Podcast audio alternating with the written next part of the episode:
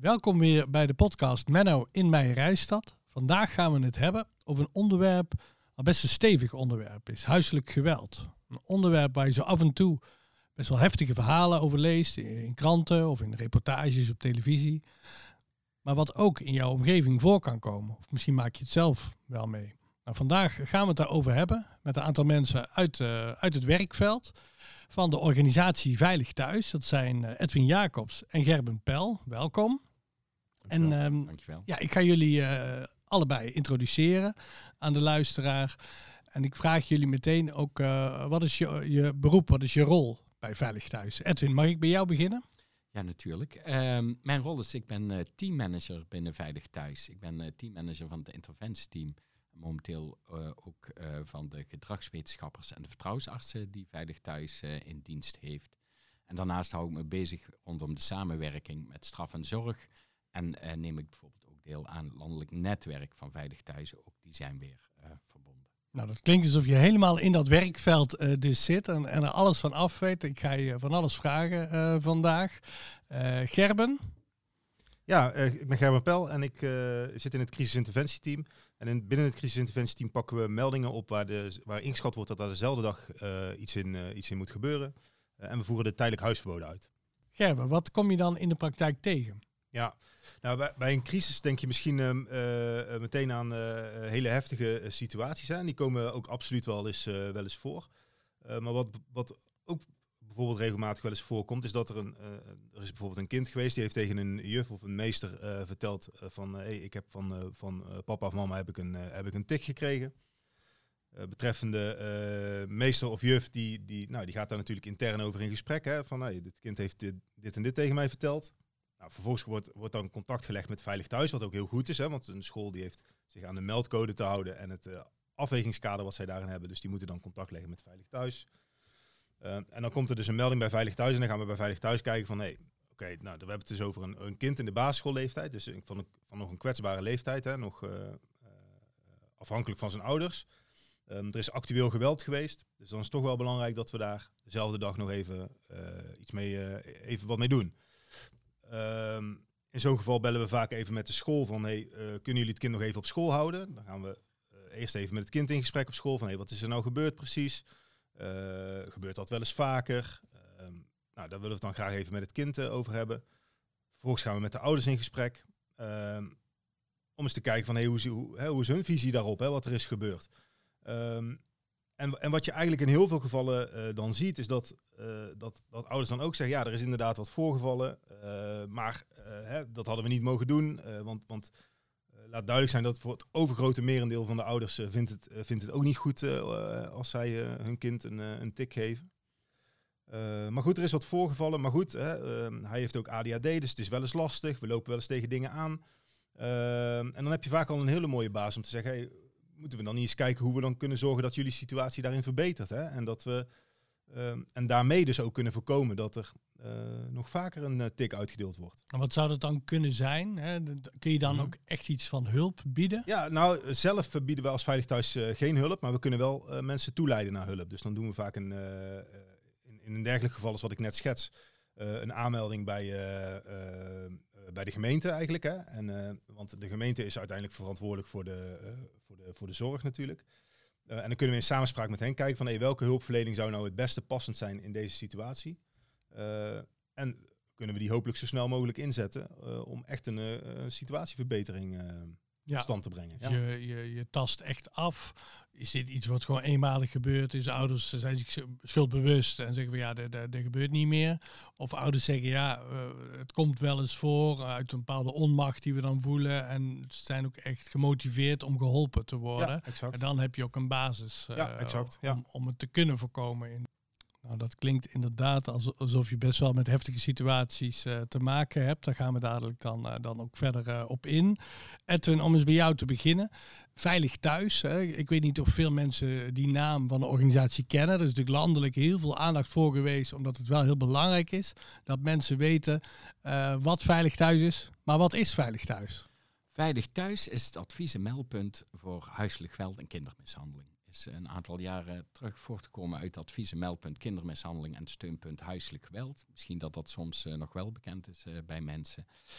Ehm, en we zijn het expertisecentrum waar eh, mensen dus advies kunnen vragen. Zowel eh, burgers, alle mensen, maar ook professionals. Oké. Ehm, ook direct betrokkenen overigens bellen ons eh, regelmatig. En anderzijds kunnen mensen bij ons melding doen. Moment dat ze signalen hebben van huiselijk geweld of kindermishandeling, ehm, kunnen ze bellen voor advies. Maar ze kunnen ook een melding doen en dan beoordeelt Veilig Thuis ehm, wat het vervolg moet zijn op die melding. Om te kijken van hoe gaan we zorgen ehm, dat helder wordt wat hier speelt. En als er sprake is van onveiligheid, dat we zorgen dat de veiligheid eh, weer terugkomt. En doen mensen dat veel? Zo'n melding? Gebeurt dat veel? Eh, nou, dat gebeurt misschien meer eh, als je denkt. Ehm, ik heb het hier toevallig voor me liggen. Ehm, het aantal meldingen bij Veilig Thuis vorig jaar in eh, eh, 2020 is zo'n 3800 eh, meldingen hebben we gehad. En als ik kijk voor Meijerij Stad, moet ik er even bij pakken. Bij de meldingen komen we op 357. Dus dat zijn toch een behoorlijk aantal meldingen als je kijkt naar de grootte van het gebied. Ja, want eh, het gebied, die 3800, dat is dan Noordoost-Brabant. Noordoost-Brabant, dat is van eh, zeg maar eh Den Bosch tot Kuik, eh, Boksmeer en dan van Sint-Oederode tot aan de Maas. Dat zijn dus bijvoorbeeld een leraar die zich zorgen maakt over een kind in de klas. Of het kan een, een verzorgende zijn die, die zorgen heeft. Maar het kan ook iemand zijn die slachtoffer is. Ja, je ziet dat er eigenlijk eh, verschillende groepen ons bellen. Ehm, het zijn eh, slachtoffers, mensen bellen zelf, eh, omdat ze zich zorgen maken over wat gebeurt thuis, over hun kinderen. Ehm, we zien soms dat ze dat willen melden, maar we zien vaak ook dat ze willen weten waar ze terecht kunnen. We zien ook andere familieleden die zich zorgen maken om hun zus, hun broer, hun neefjes, hun nichtjes, waarbij ze aan willen geven van eh, ja, we, zi- we, we zien van alles. We hebben zorgen, maar wat moeten we hiermee? Kunnen we zelf het gesprek aan of is het toch nodig dat een andere instantie dit oppakt? Maar we zien ook heel breed professionals en dat gaat van nul, eh, dus vanuit het eh, consultatiebureau, de kinderopvang, tot vanuit het eh, verzorgingshuis. Want ja, ook financiële uitbuiting bijvoorbeeld of ouderenmishandeling is een thema wat we vaak voorbij zien komen. Ja, nou, nou kan ik me voorstellen dat ja, mensen natuurlijk wel eens een keer iets zien gebeuren waar ze denken, oh, dat, dat, moet je niet doen. Dat is niet handig. Hè? Bij wijze van wat ze vroeger een corrigerende tik eh, noemen. Ehm, ja, dat wordt afgekeurd maatschappelijk. Maar is dat dan meteen reden om een melding te gaan doen bij Veilig Thuis? Als je to- toch een keer ziet dat een ouder dat doet? Of die, is dat dan voor mensen ook moeilijk om die keuze te maken? Of, of, wat, voor, ehm, ja, wat voor tips kun je ze daarin meegeven? de tip die wij, eh, wat wij altijd zeggen, hè, van als mensen twijfelen om ons te bellen, want dat, hoor ik jou eigenlijk schetsen, dan is eh, ons verzoek altijd om ons te bellen. Want wij zijn 24-7 bereikbaar en eh, dan gaan we gewoon aan de praat. Wij nemen niet direct een melding op, we bespreken ehm, de vraagstukken waar mensen tegenaan lopen. Wat ze hebben gezien, wat de mogelijkheden zijn. Hè, want vergeet niet, het heeft soms eh, echt ook voorkeur dat mensen bijvoorbeeld als ze iets horen of vragen hebben met betrekking tot wat ze bij de buren horen, dat ze die vraag stellen. Want soms horen ze geschreeuw, gerommel. Ehm, ja, mensen vergeten soms om dan het gesprek aan te gaan en aan de buurvrouw of de buurman de volgende ochtend bij het buitenzetten van de containers te vragen, heb je een momentje? Daar helpen jullie ze in feite dan bij. Mensen hoeven niet bang te zijn van nou, als ik een melding doe of ik twijfel en ik bel veilig thuis, dat er dan meteen iemand op afgestuurd wordt. Nee, mensen bepalen zelf in, hè, is het uitgangspunt of een melding wordt gedaan of niet. En wij bespreken ook hoe ze hun zorg kunnen uiten naar anderen, hoe ze daarmee om kunnen gaan. Ehm, en soms gaan wij het gesprek aan, ook met betrekking tot de signalen. En vragen wij mensen ook wel om een melding te doen. Want in sommige gevallen is het echt nodig en heeft het meerwaarde als eh, ja, een zorg breder wordt bekeken en we toch eh, ja, gaan wegen wat nodig is. Maar dat doen we altijd in overleg met de direct eh, betrokkenen. Ja, Degene die het signaal heeft. dan is de veiligheid, is dan jullie oordeel echt, ja, echt serieus in het geding. Ja. En dan, ja, dan, dan, dan moet er iets gebeuren. Mensen kunnen ons ook altijd anoniem bellen. Dus ehm, als mensen zich zorgen maken met betrekking, wordt er aan de haal gegaan eh, met mijn signaal, kunnen ze altijd anoniem bellen, eh, hun zorgen bespreken, zodat ook geborgd is dat zij in de lead blijven. We zien soms ook, eh, want dat is ook mogelijk om anoniem melding te maken. Dat wil zeggen dat er een melding wordt gemaakt waarbij de direct betrokkenen waar de zorgen over eh, leven niet op de hoogte worden gebracht. En in uitzonderlijke gevallen kiezen mensen er zelf soms voor om dubbel anoniem te melden, zo noemen wij dat. En dat houdt in dat zij melden waarbij bij ons ook niet bekend is wie belt, maar dat we alleen de gegevens van de direct betrokkenen eh, krijgen. Ja. Dit proberen we zoveel mogelijk te voorkomen, omdat we weten dat het heel veel impact heeft op een systeem. Als er ergens uit de omgeving, maar je weet niet waar vandaan, een melding wordt gedaan. Dat brengt heel veel onzekerheid en onrust met zich mee. Ja. Maar soms kan het niet anders. Je noemt net wat cijfers. Hè? Dat is dan wa- wat, wat we weten, wat gemeld wordt. Ehm, het probleem is waarschijnlijk groter, omdat niet alles gesignaleerd of gemeld wordt. Dat is dus eh, ja, onbekend eigenlijk, hoe groot het eh, dan is. Ehm, wat- zijn wel schattingen over. Oké, Overigens. Ehm, als we kijken, hè, bijvoorbeeld, ik heb hier cijfers van het NJI, alweer even terug. Nederlands Jeugdinstituut. Klopt, klopt. Eh, zij geven aan hè, wat zij verwachten dat er, eh, of schatting, hè, dat er jaarlijks 119.000 kinderen eh, slachtoffer zijn van kindermishandeling. Dat betekent dus één kind per klas. Ehm, over ouderen geven zij aan dat er naar hun schatting zo'n 200.000 ouderen jaarlijks slachtoffer zijn van mishandeling, seksueel misbruik of financiële uitbuiting. Dus dat zijn echt wel substantiële aantallen. En als je kijkt naar huiselijk geweld in algemene zin, geven zij aan dat 1 miljoen mensen jaarlijks incidenteel slachtoffer zijn. En naar verwachting zo'n 200.000 tot 230.000 eh, slachtoffers te maken hebben met herhaaldelijk geweld. Dus dan hebben we het echt over een structureel terugkerend probleem van geweld in systemen. Ja. Dus dit is, eh, dit is toch behoorlijk groot. Mensen onderschatten dat vaak. En dan is eigenlijk de vraag, hè, als het probleem groter is dan wat we nu in beeld hebben, hoe signaleren we het dan? Eh, en, en, en de meldingsbereidheid van mensen om het probleem eh, ook aan de kaart te stellen. En hoe, hoe kan je signaleren? Ja, zo noemen we dat in, eh, misschien in vakjargon, maar hoe, hoe herken je eigenlijk signalen dat er mogelijk huiselijk geweld speelt? Huiselijk geweld is heel breed. Hè? Van, ehm, het is niet alleen lichamelijk geweld, het is ook eh, psychisch geweld. Ehm, en als je kijkt naar lichamelijk geweld, ehm, hè, dan, dan denk je aan blauwe plekken, et cetera, et cetera. Bij eh, psychisch geweld, dan ja, denk je aan onderdrukking, vernedering, et cetera. Maar ook verwaarlozing is huiselijk geweld. Als eh, bijvoorbeeld kinderen niet krijgen waar, wat ze nodig hebben om op te kunnen groeien, om te ontwikkelen. Ehm, dus het is heel breed. Ik zou heel veel, hè, wij, hebben signalenkaarten nou, eh, die zijn echt eh, heel uitvoerig. Maar wat een belangrijk uitgangspunt is, eh, dat je je onderbuikgevoel heel serieus neemt. Want wij horen vaak van mensen dat ze aangeven, ja, ik, ik voel dat er iets niet pluis is, dat het niet lekker zit. En ehm, dat gevoel moet je wel serieus nemen. En je hoeft dan niet direct te melden, of maar neem dat eens als uitgangspunt om goed te kijken, wat speelt er nu? Wat, waarom heb ik een eh, vervelend gevoel bij wat er eh, bij ons schuin over tegen gebeurt? Hoe gaan deze ouders met kinderen om? Waarom maak ik mij zorgen? En dan gaan mensen vaak wel zaken zien. Of dan beginnen dingen op te vallen. Oh, het zit in het geschreeuw. Altijd wordt er gesnauwd. Wat zie ik verder gebeuren? Ah, ehm, het kind krijgt regelmatig een tik. Ik sprak laatst moeder, want ik heb gevraagd, gaat het wel goed? Ik hoor geschreeuw. En zij gaf aan, ja, ik ben mijn werk kwijt. En onze Jan, daar gaat het ook al niet goed mee. Want in de bouw is het op dit moment, et cetera, et cetera. Dus dan zie je een aantal factoren eh, samenkomen, waarbij dan de weging is hè, van hoe wil deze direct betrokkenen met het gezin omgaan, het gesprek aangaan, of blijft ze zich zorgen maken? Ehm, en dan zou ze kunnen overleggen Veilig Thuis.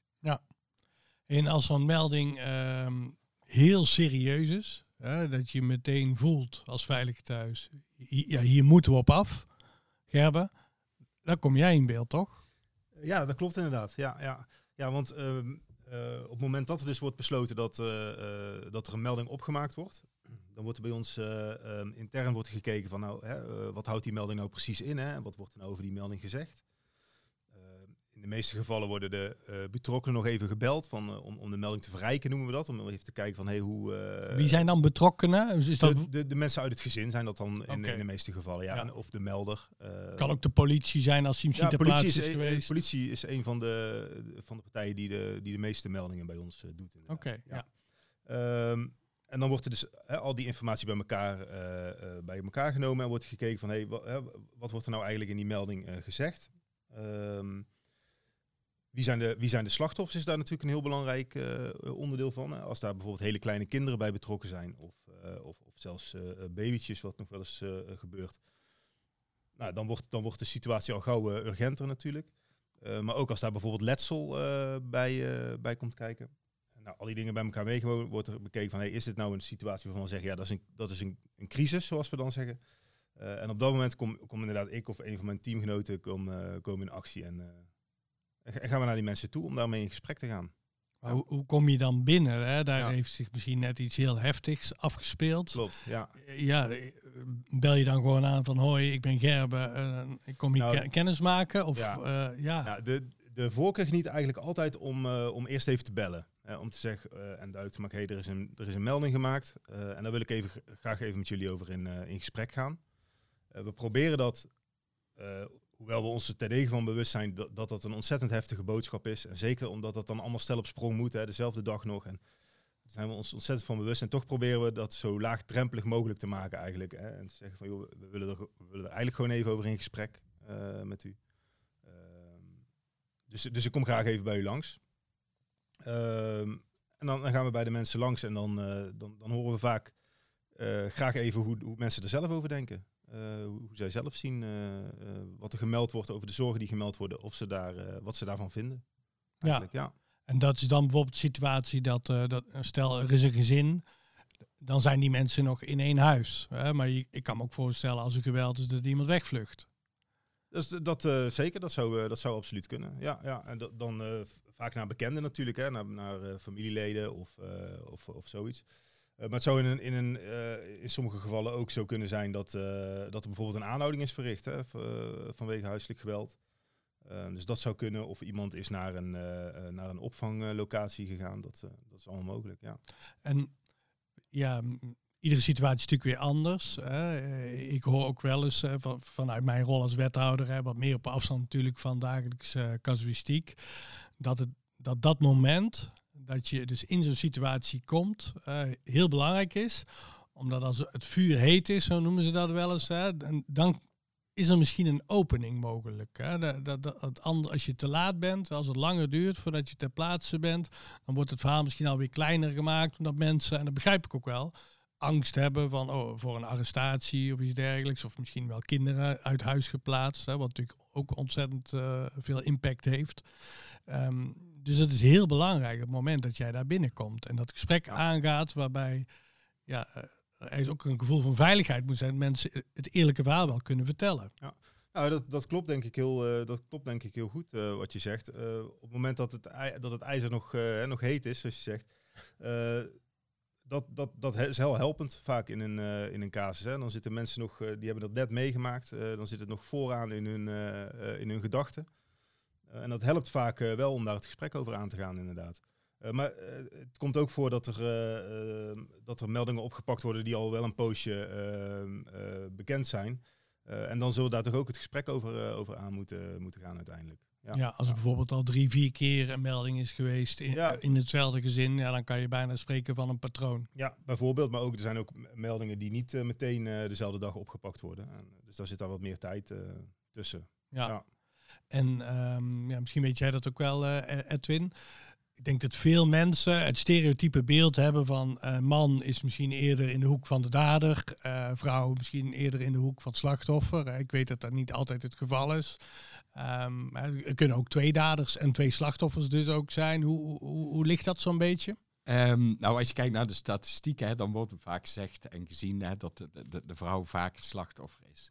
Maar als je in die systemen kijkt, dan zie je dat het vaak een dynamiek is tussen twee mensen. Um, en vaak zit daar ook al een hele historie achter.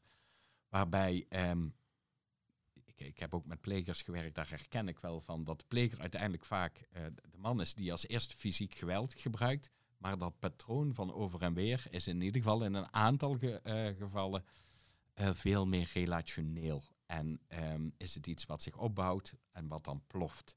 En um, wij, wij denken dan minder in pleger of dader en slachtoffer, maar meer als twee partners die moeten leren om ander gedrag uh, te laten zien. Waar beide, ook als je ze afzonderlijk spreekt, echt een hele historie hebben en uh, het anders willen. We zien, soms hebben mensen het idee van, we, we, we, zien zo'n boze dader. Maar we zien in het merendeel van de gevallen dat het te maken heeft met onmacht. Mensen raken gefrustreerd in een relatie, kunnen elkaar niet meer bereiken. Hè, we, we, hebben het hier even over partnerrelatiegeweld, over dat thema. Dan zie je dat onmacht een hele grote factor is. Mensen weten elkaar niet meer te bereiken, hoe het anders moet.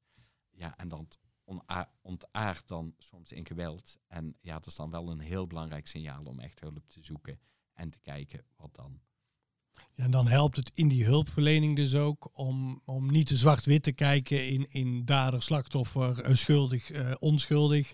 Maar in wat daar onderliggend aan relatie en patronen zit van hoe mensen met elkaar omgaan. En andere problemen die misschien van invloed zijn op uh, het gewelddadig gedrag dat zich dan voorgedaan heeft. Ja, waarbij we wel altijd zeggen van, um, ook naar de pleger, wie dat nu is, man of vrouw, neem daar wel verantwoordelijkheid voor. Want jij bent wel degene die uiteindelijk geslagen heeft. Of deze, hè?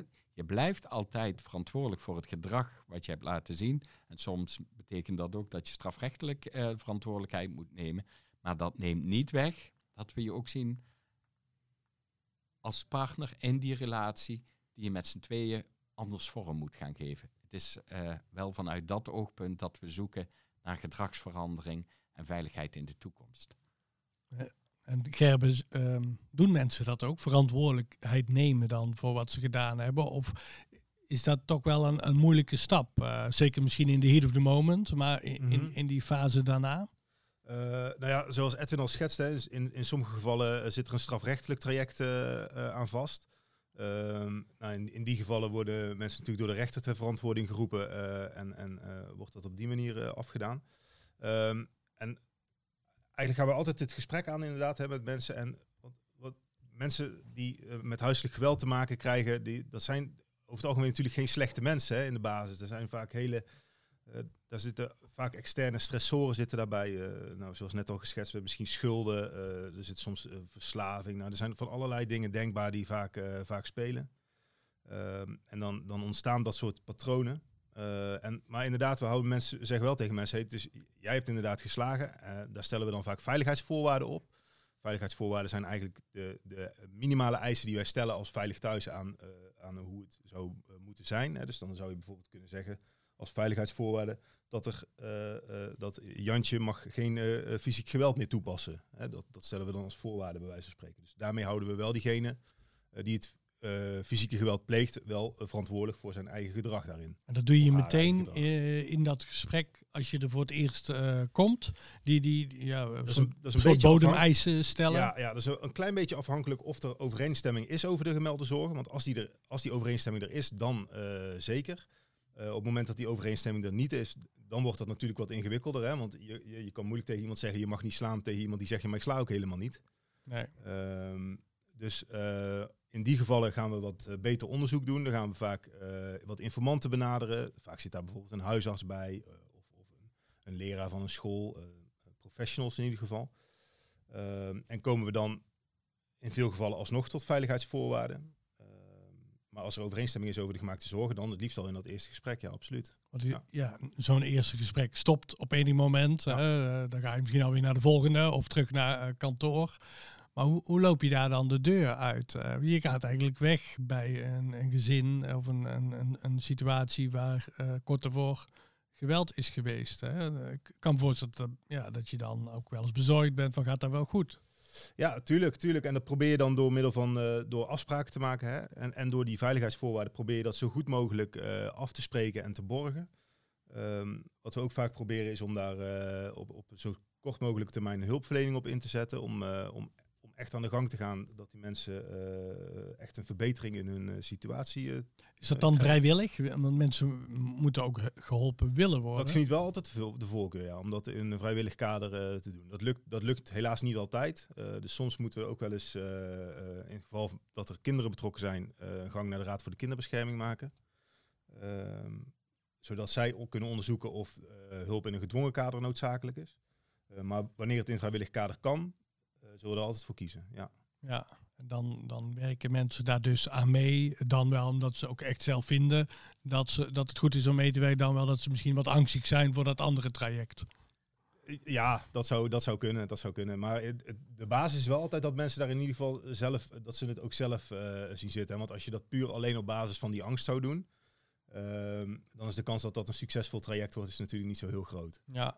Zeg je ook wel eens eh, eh, bij het weggaan, eh, nou het lijkt me verstandig dat jij hier blijft en jij misschien even er, een paar dagen ergens anders naartoe gaat? Ja, dat, dat gebeurt zeker. En nou, zoals ik eerder al schetste, doet het crisisinterventieteam bij een Veilig Thuis ook de tijdelijk huisverboden.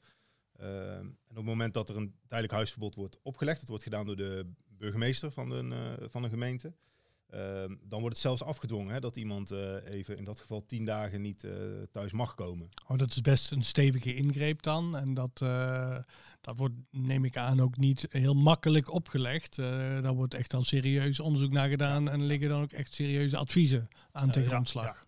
Ehm, die afweging daarvoor voor wordt gedaan door Veilig Thuis, door medewerker van Veilig Thuis, samen met een hulpofficier van justitie vanuit de politie. Die gaan in gesprek met de, de vermoedelijke pleger en de, de, de, de, de vermoedelijke slachtoffers. Ehm, en dan gaan we kijken, joh, zou dat een, eh, een maatregel zijn die, die helpend zou kunnen zijn? Want dat is altijd wel de, de bedoeling. Het is niet de bedoeling als strafmaatregel, maar echt om te kijken van, hey, eh, hoe kunnen we er nou voor zorgen dat we zo goed mogelijk hulpverlening in kunnen zetten, maar dat het ook veilig is en dat mensen even een time-out hebben van elkaar. In Afkoelingsperiode. een afkoelingsperiode, inderdaad. Ja. En dat wordt dan dus uiteindelijk opgelegd door de burgemeester. Ja, en het is echt een mooi middel. We hebben daar hele goede ervaringen mee, omdat je ook ziet wat je eerder aangaf, eh, Menno. ehm, soms sluit de cirkel zich weer ehm, na een incident. En je ziet bij een tijdelijk huisverbod dat waar anders, hè, als mensen eh, doorpraten over wat gebeurt, wij noemen dat de cirkel van geweld, zie je na een aantal dagen, soms gaat dat sneller, dat mensen weer goede voornemens eh, krijgen. De bloemen komen weer op tafel. Er worden mooie voornemens gemaakt. Het lijkt snel ver weg. En dat maakt dat de hulpverlening of wat nodig is om te veranderen, soms een beetje op de achtergrond eh, komt. En juist ook door mensen dan tien dagen de duur van een huisverbod uit elkaar te halen, zie je ook dat mensen beter stil kunnen staan bij wat is er nu gebeurd en wat zou kunnen helpen om dit in de toekomst te voorkomen. Juist waar je ziet dat er een patroon is van zich herhalend geweld, is het tijdelijk huisverbod een, soms een heel mooi middel om echt een doorbraak eh, te forceren. Misschien, misschien even het, eh, het uitstapje naar, eh, naar corona. Hè. Dat, dat, daar zitten we nu eh, eh, anderhalf jaar in. We hebben die lockdowns gehad. Ik weet dat in de eerste lockdown vorig jaar heel vaak een onderbuikgevoel was bij veel professionals van oeh, eh, als dat maar goed gaat in die gezinnen waarvan we weten dat er problemen zijn, dat er spanningen zijn, eh, gaat dat leiden tot meer huiselijk geweld. Echt in cijfers, Edwin, hebben we dat nooit teruggezien, toch? Nee, wij hebben dat eh, ook binnen Veilig Thuis Brabant Noordoost eh, niet in die zin eh, teruggezien. We zagen ja, net iets minder als normaal. We zagen wel bij de momenten waar het weer los werd gelaten, de maatregelen, dat het weer wat toenam. We zagen wel een toename in de complexiteit. Ook binnen het landelijk netwerk hebben we naar die ci- cijfers gekeken. Maar we hebben eigenlijk vast moeten stellen dat wij het niet constateerden in de cijfers bij Veilig Thuis. Ehm, gezien de hoeveelheid signalen die we kregen bij de media, of vanuit de media, heb ik eh, toen ook nog contact gezocht met politie. Echt gevraagd, hè, missen we dan iets? Want we horen iedereen zeggen dat die toename er zou moeten zijn.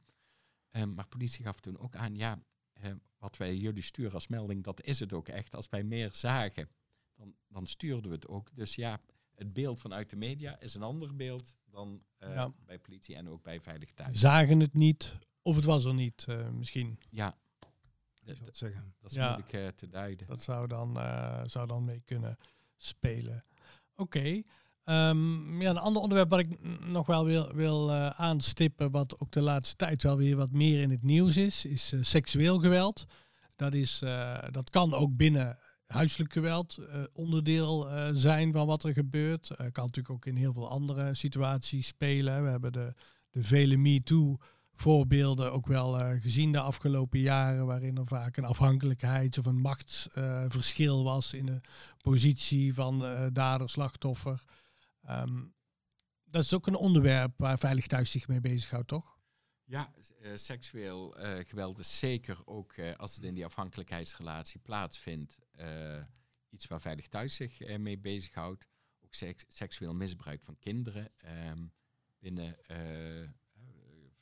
gezinnen, families worden gemeld bij Veilig Thuis. Veilig Thuis heeft ook een vertrouwensarts in dienst, vertrouwensartsen die ook Ehm, op die momenten onderzoek kunnen doen, kijken wat nodig is. In die trajecten wordt ook altijd heel nauw samengewerkt uh, met politie, uh, eh, OM, om te kijken van uh, wat is nodig, wat zetten we in. Daarnaast zien we bij partnerrelatiegeweld dat vaak de seksuele component, die speelt ook, maar die is vaak niet direct bij een melding al, um, hoe zeg je dat, bovenliggend. We zien vaak hè, in, in, die langere trajecten dat er meer heeft gespeeld in die, in die jaren. En waar sprake was uh, van dwangmatig handelen vanuit een pleger, hè, controlerend opstellen, seksuele dwang en drang uh, ook een onderdeel is. Ja, dat speelt zich dan af in de relatie. Uh, afgelopen periode was ook in het nieuws rondom studenten. Uh, waar dan nog alles gebeurt. Um, ik schrok daarvan. Ik weet niet meer precies hoe, hoeveel, maar het waren er veel meer dan, ja, dan je denkt. Nou heb ik wel eens vaker gehoord dat met name meisjes ja, best vaak slachtoffer zijn van seksueel geweld. Ja, wat kunnen we er nou aan doen om dat te voorkomen of beter te signaleren? Gerben, zie jij daar vanuit jouw werk ook de voorbeelden van? Uh, nou ja, wanneer je het hebt over die studenten, dan. Bij Veilig Thuis gaat het altijd over geweld of kindermishandeling in de huiselijke kring. Hè? Dus altijd binnen een huiselijke setting. dat is in dit geval natuurlijk niet helemaal aan de hand, of helemaal niet eigenlijk. Het kan een studentenhuis zijn, maar goed, dat, was, was niet direct volgens mij in het nieuws het onderwerp. Nee, nee. Ehm, dus, dus wat dat betreft is dat moeilijk, uh, moeilijk te zeggen. Ik denk dat het vooral eh, dat, dat het al heel erg helpend is dat, het, dat zulke berichten in het nieuws komen. En dat er een stukje bewustwording uh, wordt gecreëerd daarvan. zodat we daar als samenleving, dus dan spreek ik meer als, als onderdeel van de samenleving dan als medewerker van Veilig Thuis. Maar dat, dat, dat, dat mensen zich ervan bewust zijn dat het probleem zo groot is. Hè. Dat, is wel, dat is wel een hele goede eerste stap, denk ik. Het lijkt wel eens alsof er steeds meer van dat soort verhalen op tafel komen. Wat denk ik op zich goed is. Hè. Een aantal jaar geleden ging het natuurlijk over vanuit, vanuit de kerk. Later hadden we de jeugdzorg, is ook een heel groot landelijk onderzoek naar geweest. Maar in het gevangeniswezen, nou, opleidingen waar het speelde, de filmwereld. Je, hebt eigenlijk verschillende sectoren gehad waar dit speelt, zonder ze allemaal in, de, ja, in een verdomhoekje te zetten. Het is wel iets waar we scherp op moeten zijn om dat te voorkomen.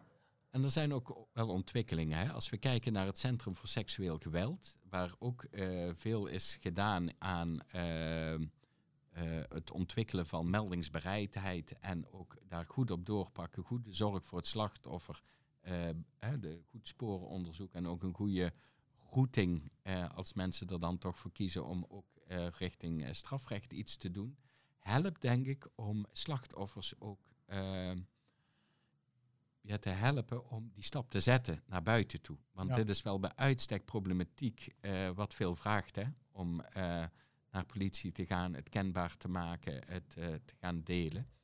Dus ik, ik denk, naast wat Gerben aangeeft, hè, van die bewustwording binnen de maatschappij, dat um, we ook moeten zorgen dat slachtoffers goed geholpen worden en begeleid worden in stappen die ze kunnen zetten zodat ze ook uitgenodigd worden op het moment dat ze met zoiets heftigs te maken krijgen. Ja, want juist als je slachtoffer bent, is misschien de eerste natuurlijke neiging om je terug te trekken en eigenlijk ja, de, uh, alleen met jouw leed te zijn. Terwijl um, ja, dat misschien in je latere leven nog heel vaak terugkomt, hè, dat trauma. En ook weer voor, voor andere problemen kan zorgen. Terwijl het je juist heel erg kan helpen om dat toch wel die stap naar voren te zetten en snel hulp te hebben voor jezelf. En er daarnaast ook nog een bijdrage kan leveren aan het eventueel strafrechtelijk vervolgen van een dader. Ja. Wat ook belangrijk is. Daarbij is het echt helpend dat binnen, ik zag toevallig laatst het stroomschema van het Centrum voor Seksueel Geweld, dat je binnen, ik geloof, zeven dagen echt die stap zet. Want ehm, om echt eh, stappen te kunnen ondernemen, ook naar de dader, zijn er vaak ook sporenonderzoeken nodig. En eh, ja, als je te lang wacht, wordt dat weer moeilijk. Hoe begrijpelijk ook. Hè? Want Het schrikt mensen ook, natuurlijk wel af, eh, begrippen Ja. als sporenonderzoek, eh, terwijl het tegelijkertijd wel eh, je kan helpen. eh, ook in het uiteindelijk eh, ja, het strafrechtelijke deel in gang zetten. Ja, heel complex.